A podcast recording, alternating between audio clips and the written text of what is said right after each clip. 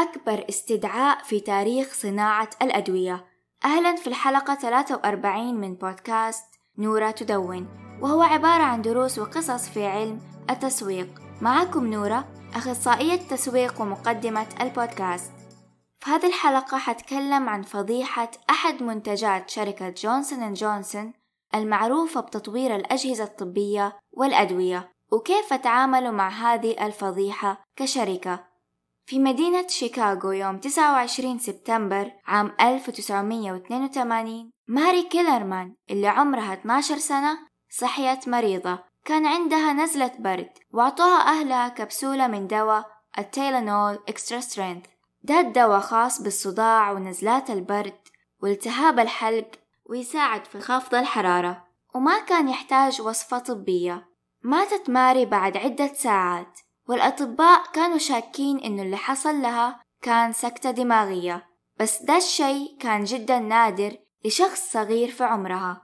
وفي نفس الصباح أخذ عامل البريد آدم جانوس اللي عمره 27 سنة دواء تيلانول وتوفى بعدها بوقت قصير. كانوا يعتقدوا إنه مات بسبب صدمة قلبية. فاجتمعت عيلته عشان يخططوا لجنازته.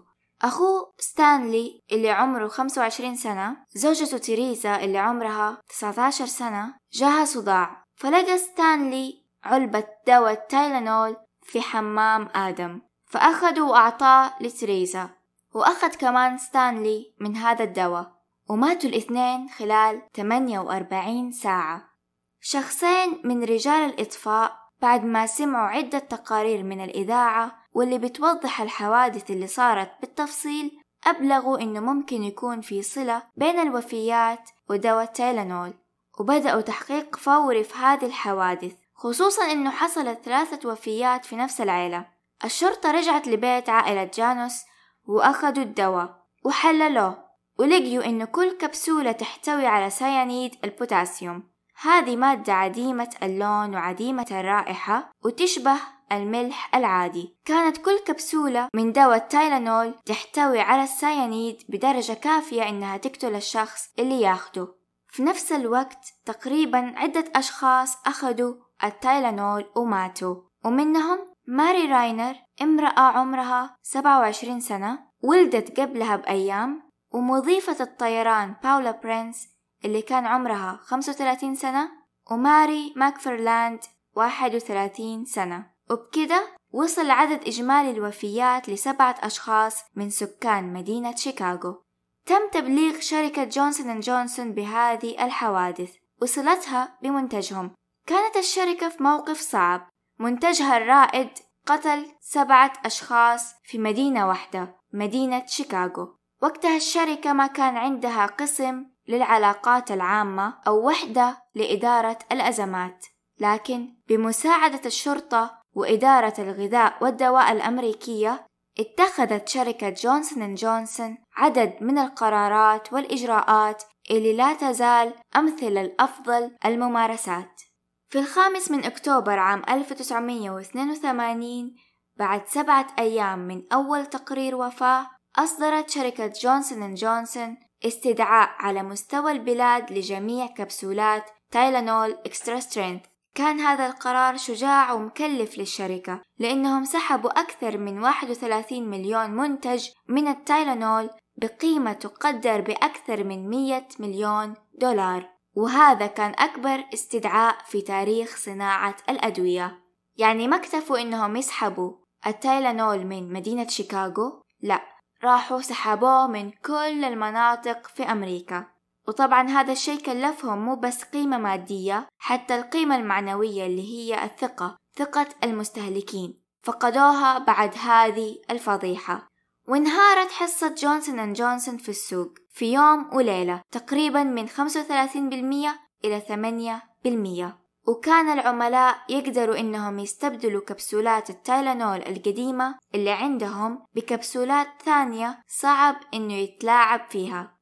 هذه من أحد الحلول اللي قدمتها جونسون أند جونسون وكمان أنشأت الشركة خطين للاتصال المجاني للتعامل مع حالات الذعر والخوف والاهتمام الإعلامي. كان في خط واحد لعامة الناس للإجابة على أسئلتهم والتعامل مع مخاوف مستخدمي التايلانول والخط الثاني كان خاص للمؤسسات الإخبارية. استخدمت الشركة رسائل يومية مسجلة في هذا الخط مع تحديثها باستمرار بحيث يكون في بيان رسمي واضح من الشركة ومسجل لكل المؤسسات الإخبارية اللي بتتصل على هذا الخط.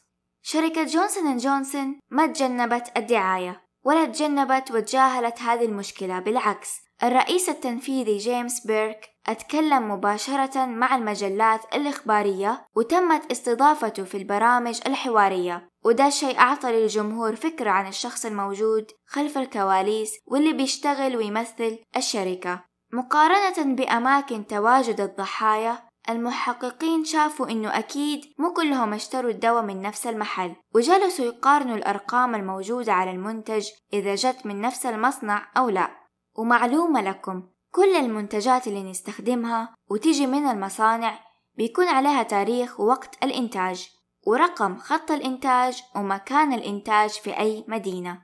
كل هذه المعلومات تسهل الرجوع للمكان اللي تم إنتاج المنتج فيه ولو في أي مشكلة يقدروا يصلحوها. وحتى يعرفوا الأشخاص اللي كانوا مسؤولين وقتها حتى يتم إنذارهم والتحقيق معاهم ومحاسبتهم.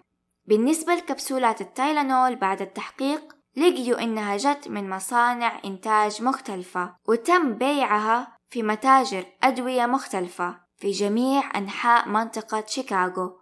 حتى بعد تحليلها لقيوا إنه العينات المسممة كانت في سبع متاجر مختلفة فالخطأ ما كان من مصنع الشركة. واستنتجت الشرطة إنه في شخص كان يتلاعب بالأدوية على أرفف المتاجر. يعني ممكن هذا الشخص اشترى أو سرق الدواء وفتح الكبسولات وأضاف السم وبعدين رجع الكبسولات للمتجر.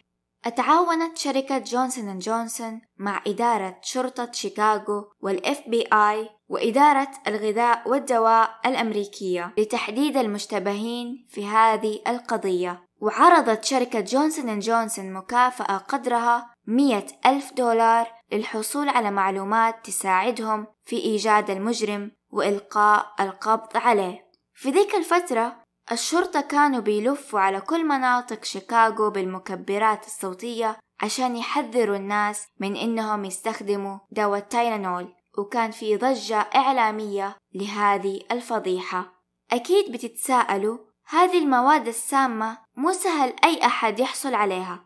هذا الشيء صحيح. لكن سيانيد البوتاسيوم كان بيستخدم في عدة صناعات فكانوا بيحققوا في هذا الاتجاه وكمان حققوا إذا في أشخاص حاقدين على شركة جونسون جونسون لأنه ممكن هذول الأشخاص يبوا يخربوا سمعتها بهذه الجريمة. ال FBI والشرطة اشتبهوا ب 400 شخص وعملوا معاهم مقابلات. أول شخص مشتبه فيه كان اسمه روجر أرنولد هذا كان أكثر شخص مشتبه فيه لأنه كيميائي ويصنع المركبات بنفسه وكان بيشتغل في أحد المتاجر اللي لقيوا فيها زجاجة من الزجاجات المسمومة لدواء تايلانول وكان له صلة ضعيفة بأحد المتاجر الثانية كمان. أبو الضحية ماري راينر كان أحد زملاء روجر وشكت الشرطة إنه ممكن يكون في عداوة بينهم. فممكن روجر سمم عدة كبسولات في متاجر مختلفة حتى يخفي ويبعد النظر عن هدفه الحقيقي. لكن الشرطة ما قدرت تثبت شيء ضد روجر وكان في تغطية كبيرة من الإعلام وتركيز عليه وهذا الشيء تسبب بضغط وانهيار عصبي لروجر. اعتقد روجر إنه شخص من تارفن هو اللي وجه الشرطة له وراح أطلق عليه بالمسدس. ولكن اتضح إنه شخص ثاني مو نفس الشخص اللي كان يبى يقتله. وانسجن روجر بسبب هذه الجريمة ل 15 سنة ومات في عام 2008 مع إنه روجر كان أكثر شخص يشكوا فيه إلا إنه التحقيق في القضية خلاهم يلاقوا متهمين ثانيين. في شخص رسل رسالة لشركة جونسون أند جونسون. يوصف فيها كيف كان سهل إنه يحط سيانيد البوتاسيوم في الكبسولات في أقل من عشرة دقايق وده الشي حتى ما كلفوا خمسين دولار وطالبهم فيها بمليون دولار يحولوها له على حساب خاص في أحد بنوك شيكاغو مقابل إنه يوقف عمليات التسمم. كان الحساب البنكي في السابق ملك لشخص اسمه فريدريك ميلر وكان وريث لشركة ويدير وكالة سفر أفلست في ذاك الوقت فالمحققين استغربوا. كيف بيحط هذا الشخص حسابه في الرسالة؟ هل بيحاول الشخص اللي رسل الرسالة إنه يوجه التهمة لفريدريك ولا هو نفسه اللي رسل الرسالة؟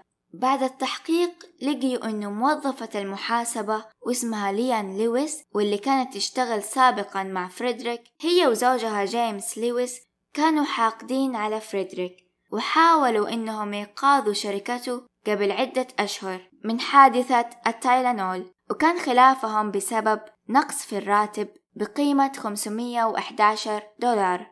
جيمس لويس كان في منتصف الثلاثينيات في عام 1982 وشخص بمرض انفصام الشخصية. لما كان صغير في المدرسة كانت درجاته كويسة بس في بيته كان بيعمل مشاكل كثيرة.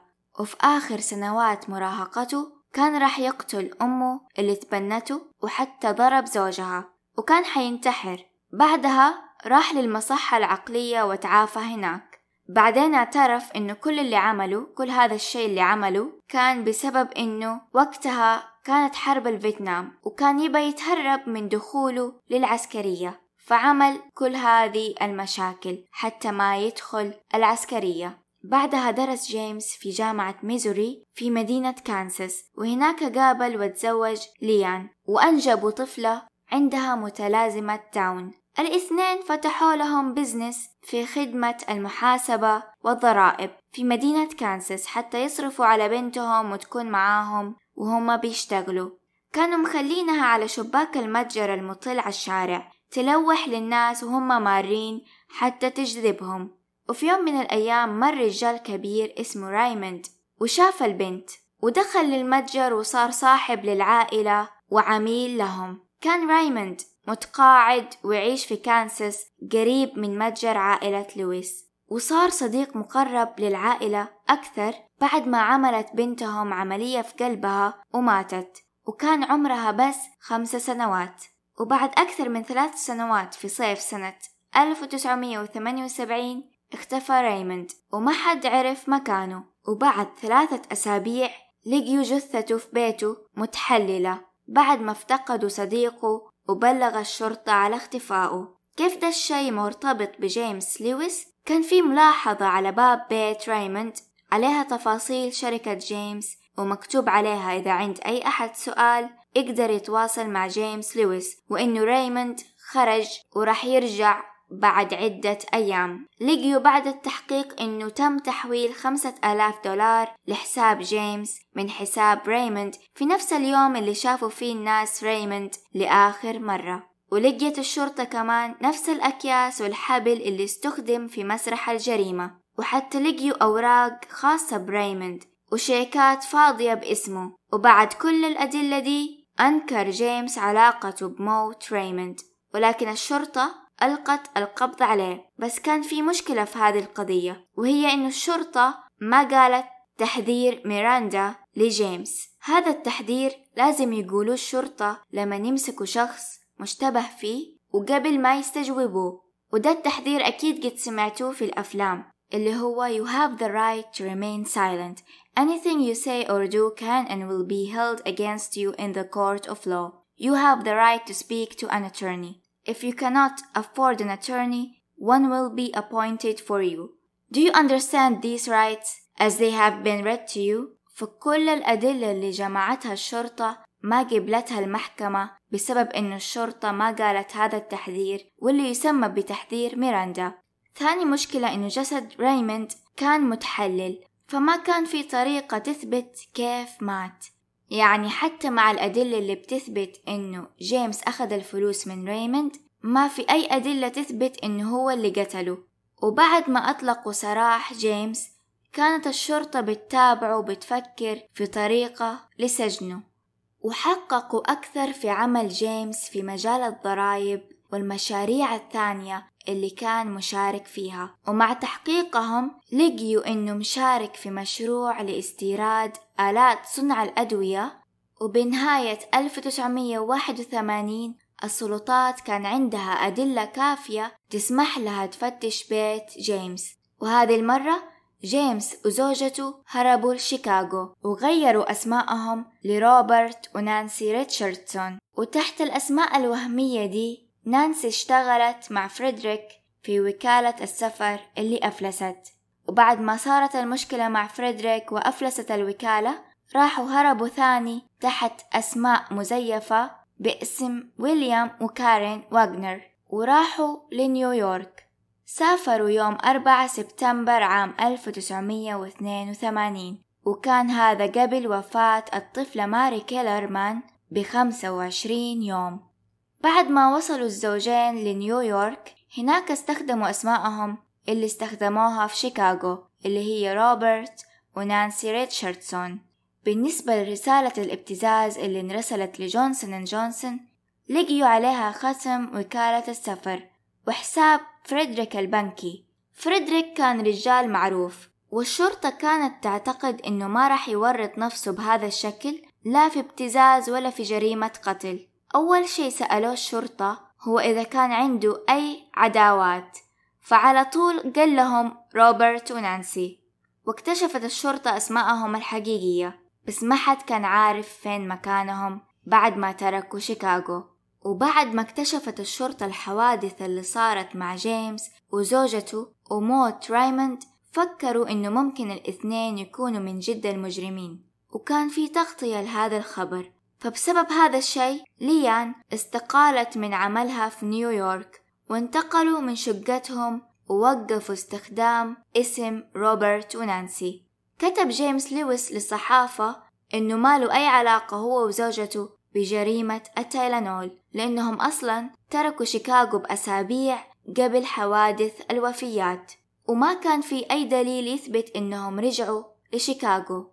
وحتى أرسل رسالة للشرطة يسخر منهم إنهم كيف ربطوا هذه القضية الخاصة بالتيلانول بقضية رايموند في أحد الأيام كان جيمس رايح للمكتبة يستعير بعض المراجع فشافته أمينة المكتبة واتصلت على ال FBI. بلغتهم على تواجده في المكتبة وألقوا القبض عليه. زوجته ليان سلمت نفسها للشرطة والشيء الوحيد اللي اتهموها فيه هو تزوير معلوماتها الشخصية في التوظيف. والاتهامات اللي وجهت لجيمس كانت محاولة الابتزاز والاحتيال في خدمة الضرائب وحكموا عليه بالسجن لمدة عشرين سنة لكنهم أطلقوا سراحه عام 1995 بعد ما جلس في السجن 13 سنة. واليومنا هذا ما لقيوا المجرم الحقيقي ولا عرفوا إيش السبب اللي خلاه يعمل هذا الشيء وما حد طالب بالمكافأة اللي قدرها مية ألف دولار. وأخيرا من أبرز الأشياء اللي عملتها شركة جونسون اند جونسون هو توظيف رئيس الشركة جوزيف كيزا مستشار جديد للمنتجات اسمه مارتن كالي حتى يشتغل معاه على تطوير أول كبسولة جيلاتينية ما حد يقدر يتلاعب فيها واسمها تايلانول gel caps في 11 نوفمبر عام 1982 أعادت جونسون أند جونسون تقديم دواء تايلانول بالتغليف الجديد وكان مؤمن بثلاث مرات. يعني أول شيء العلبة بتحمي الدواء وثاني شيء البلاستيك اللي حوالين فتحة الزجاجة وثالث شيء الغطاء الدائري اللي يغطي فتحة الزجاجة بالكامل. وده لتعزيز الحماية والأمان. وكتبوا على الدواء Don't use if safety seals are broken. يعني لا تستخدموا الدواء لو كان مفتوح. وعملت الشركة حملات إعلانية بمبالغ ضخمة وعروض على دواء التايلانول بحيث ممكن توفير تقريبا 2.5 دولار لكل زجاجة. كانت تركز جونسون جونسون على كسب الثقة بهذا المنتج وبشركة جونسون جونسون بشكل عام. واستمرت الشركة في إجراء التحسينات على مراقبة الجودة وكانوا بيعملوا فحص عشوائي للتايلانول قبل ما ينشحن لتجار التجزئة. وفي أقل من عام ارتفعت الحصة السوقية لشركة جونسون جونسون ل 29% وفي خلال عدة سنوات التايلانول صار من أكثر المنتجات مبيعا وشهرة. هذه المشكلة اللي تسببت في أكبر استدعاء في تاريخ صناعة الأدوية خلت في وعي أكبر في تصنيع الأدوية والعلب بحيث إنه ما يسهل التلاعب فيها ويكون في حماية وأمان أكبر. فدايما أي منتج استهلاكي لا تستخدموه لو كان مفتوح أو حتى لو شكيتوا إنه مفتوح. والعبرة من القصة هي إنه لما تحصل أزمة أو مشكلة لازم العلامات التجارية تبالغ في التعويض وما تبالغ في الوعود أو في تجاهل المشكلة. بل لازم إنها تواجهها زي ما عملت شركة جونسون أند جونسون. شاركوني رأيكم في الحلقة ولا تنسوا تعملوا لايك والاشتراك في قناتي ونشرها وشكرا لكم.